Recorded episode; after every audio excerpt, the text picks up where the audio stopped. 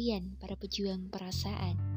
Bagaimana perjuangan kalian menghadapi keadaan? Semoga dapat menggiring ya ke tahap pendewasaan. Semangat kalian!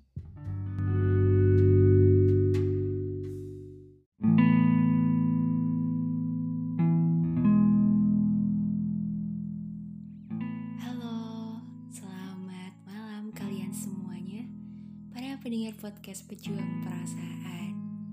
Wah udah lama banget nih gak up podcast. Dan apa kabar nih kalian semua? Udah masuk tahun 2022 aja.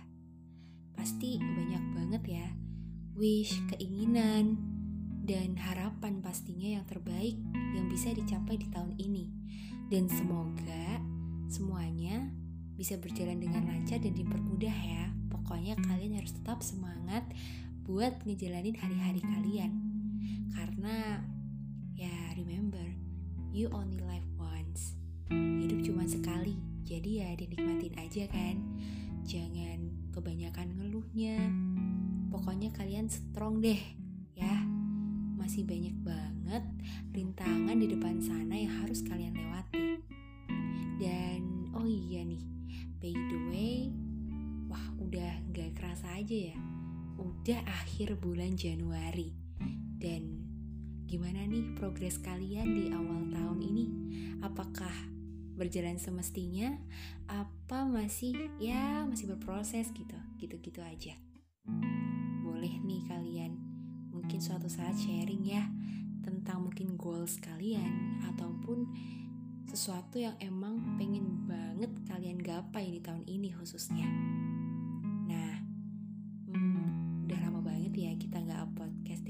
Sebenarnya gak pengen ya banyak banget sebenarnya yang dibahas. Cuman malam ini kayaknya bakal jadi pembuka lagi setelah sekian lama nggak podcast jadi aku mau mengasih apa ya suatu motivasi aja dulu ya ke kalian semua nih buat para pendengar podcast pejuang perasaan. Tentang mungkin kalian yang sekarang posisinya lagi memang susah terdampak wabah corona dan apalagi sekarang ada varian baru otomatis ngerasain banget ya gitu. Apalagi di umur-umur yang emang dituntut banget buat kerja, buat cari duit pasti hari-hari kalian terasa lebih berat daripada semestinya. Dan kita nggak bisa mengelak ya bahwasanya emang kita nggak pernah tahu apa yang akan terjadi di masa depan yang akan datang dan kita harus siap dengan semuanya. Buat kalian yang emang lagi di fase ini, jangan pernah menyerah ya.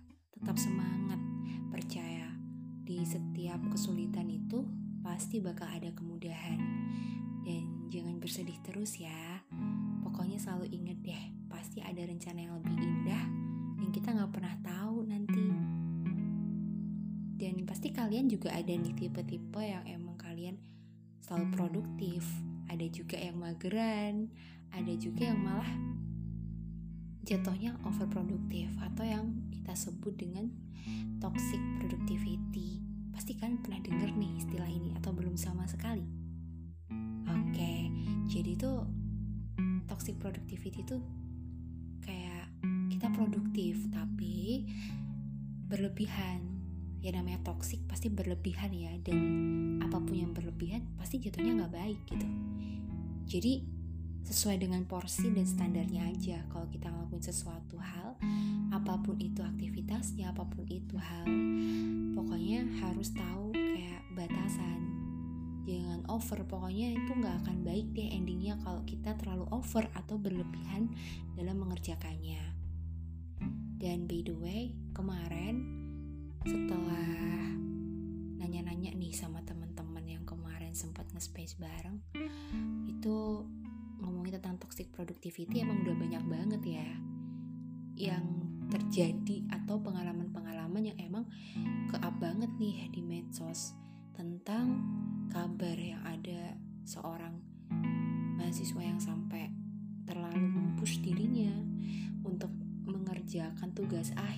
menyelesaikan tugas akhirnya sebagai syarat kelulusan sampai dia mengesampingkan kesehatannya sendiri. Dan gak lama dapat berita kalau setelah itu dia meninggal dunia kayak gitu. Saking apa ya memaksakan banget gitu ya. Ya itu cuma satu contoh yang paling apa general lah paling familiar yang kita tahu bahwasanya emang sesuatu itu ya produktif bagus. Tapi kalau kita melakukannya berlebihan juga nggak bagus entah buat fisik buat pikiran mental ataupun psikis itu nggak akan baik sih. Mungkin ya efeknya nggak bakal kita rasain sekarang tapi nanti. Gitu. Dan pokoknya kalian tuh emang harus produktif. Jadi melewati hari-hari tuh selalu ada aja yang dikerjakan ada yang ditargetkan biar seolah-olah pekerjaan kita itu berprogres dan nggak ketunda-tunda terus dan nggak akan selesai gitu kan. Jadi kayak sedikit-sedikit lama-lama menjadi bukit gitu tanpa kita kerasa gitu kan. Eh udah selesai aja nih eh udah nyicil-nyicil kemarin tinggal sisanya gitu. Jadi tetap ongoing aja. Yang penting tetap berprogres jangan males-malesan pokoknya. Percaya pasti pekerjaannya bakal selesai kok gitu. Tapi buat orang-orang yang emang terlalu memaksakan diri kayak wah sebenarnya badan udah nggak mampu nih tapi tetap kayak memaksakan banget wah pokoknya harus selesai nggak mau tahu gitu. Jadi kayak nggak sinkron kan antara badan sama hati itu kayak uh, berkecamuk berlawanan banget gitu. Kayak bergejolak satunya ngebet udahan karena nggak mampu satunya lagi ngebet pengen cepet selesai gitu kan. Jadi kayak perang batin kan gitu.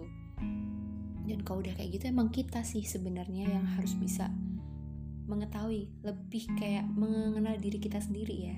Kayak oh kayak jangan dipaksain deh karena emang badanku ini tipenya kalau udah dipaksain banget itu nanti bakal sakitnya itu atau dampaknya itu bakal parah gitu.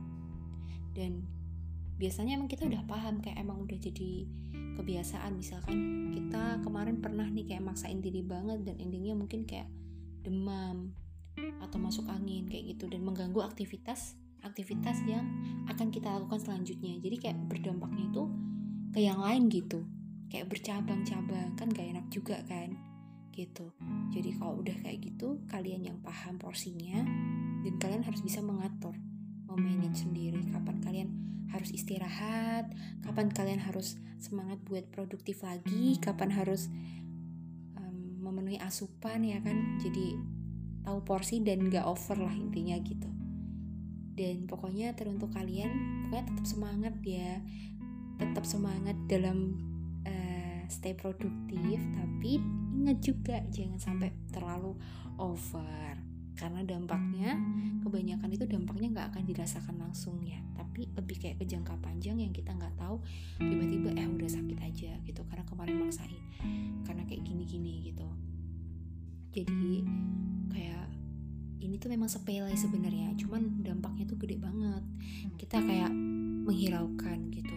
Allah nggak apa-apa lah paling cuma sakit bentar. Tapi kita kita nggak nggak pernah tahu ya kayak kita bakalan kena efeknya itu berapa lama dan apakah cuma itu aja? Bakal ada efek selanjutnya? Nggak kita kan nggak pernah tahu gitu. Jadi intinya kayak pencegahan itu lebih baik daripada mengobati kan gitu.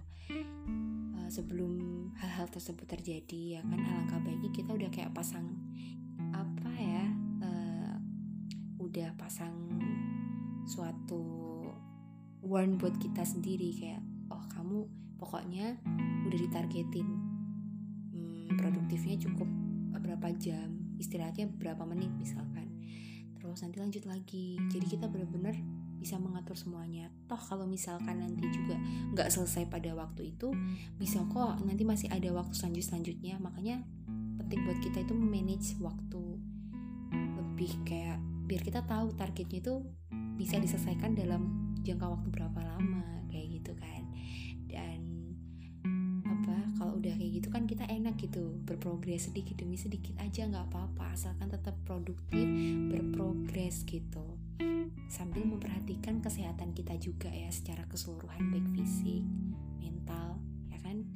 Itu penting banget ya karena ingat kesehatan itu mahal banget harganya. Dan alangkah baiknya tadi kayak sedia payung sebelum hujan udah kayak coba untuk jaga-jaga biar enggak terlanjur masuk ke sumur gitu kan. Udah terlanjur kena dampaknya gitu. Nah berarti intinya adalah ketika kalian ingin berproduktif maka memang kalian harus produktif. Tapi ingat jangan sampai jatuhnya kayak ke toxic productivity atau toxic yang berlebihan. Kalian pasti butuh lah namanya istirahat ya kan? Kita bukan robot yang dituntut setiap saat untuk bekerja tanpa ada istirahat ya kan? Kita cukup tahu kapan harus istirahat kapan healing refreshing ya untuk kayak mencoba mengembalikan semangat yang sempat pudar mengembalikan tenaga yang sempat habis gitu. Pokoknya kalian yang tahu diri kalian sendiri selalu ingat pokoknya ya. Uh, stay love yourself gitu. Apa pun yang ada di dalam diri kalian itu ingat itu berharga gitu. Jadi jangan sia-siain lah gitu.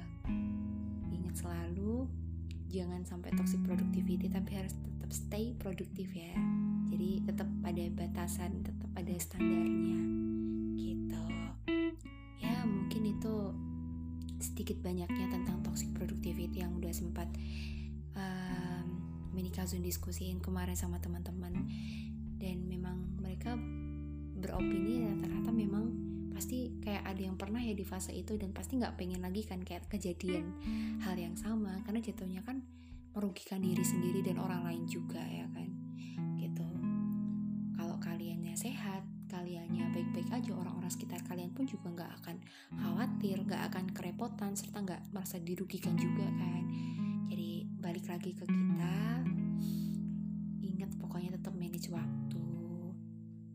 Cintai diri kalian. Jangan insecure terus. Jangan kebanyakan sambat intinya. Kebanyakan ngeluh. Tetap semangat deh ngejalanin hidup ini. Oke? Okay? ya mungkin itu aja um, podcast kali ini ya. Yang bahas tentang ya motivasi dengan sedikit topik toxic productivity. Semoga bisa membantu kalian untuk menjalani ya kan melewati hari-hari kalian yang boleh dibilang ada yang suram ada yang menyenangkan ada yang naik turun ada yang kayak nano-nano gitu ya. Pokoknya stay positif aja deh dan stay produktif oke? Okay? ya yeah, and then see you in the next podcast. Bye bye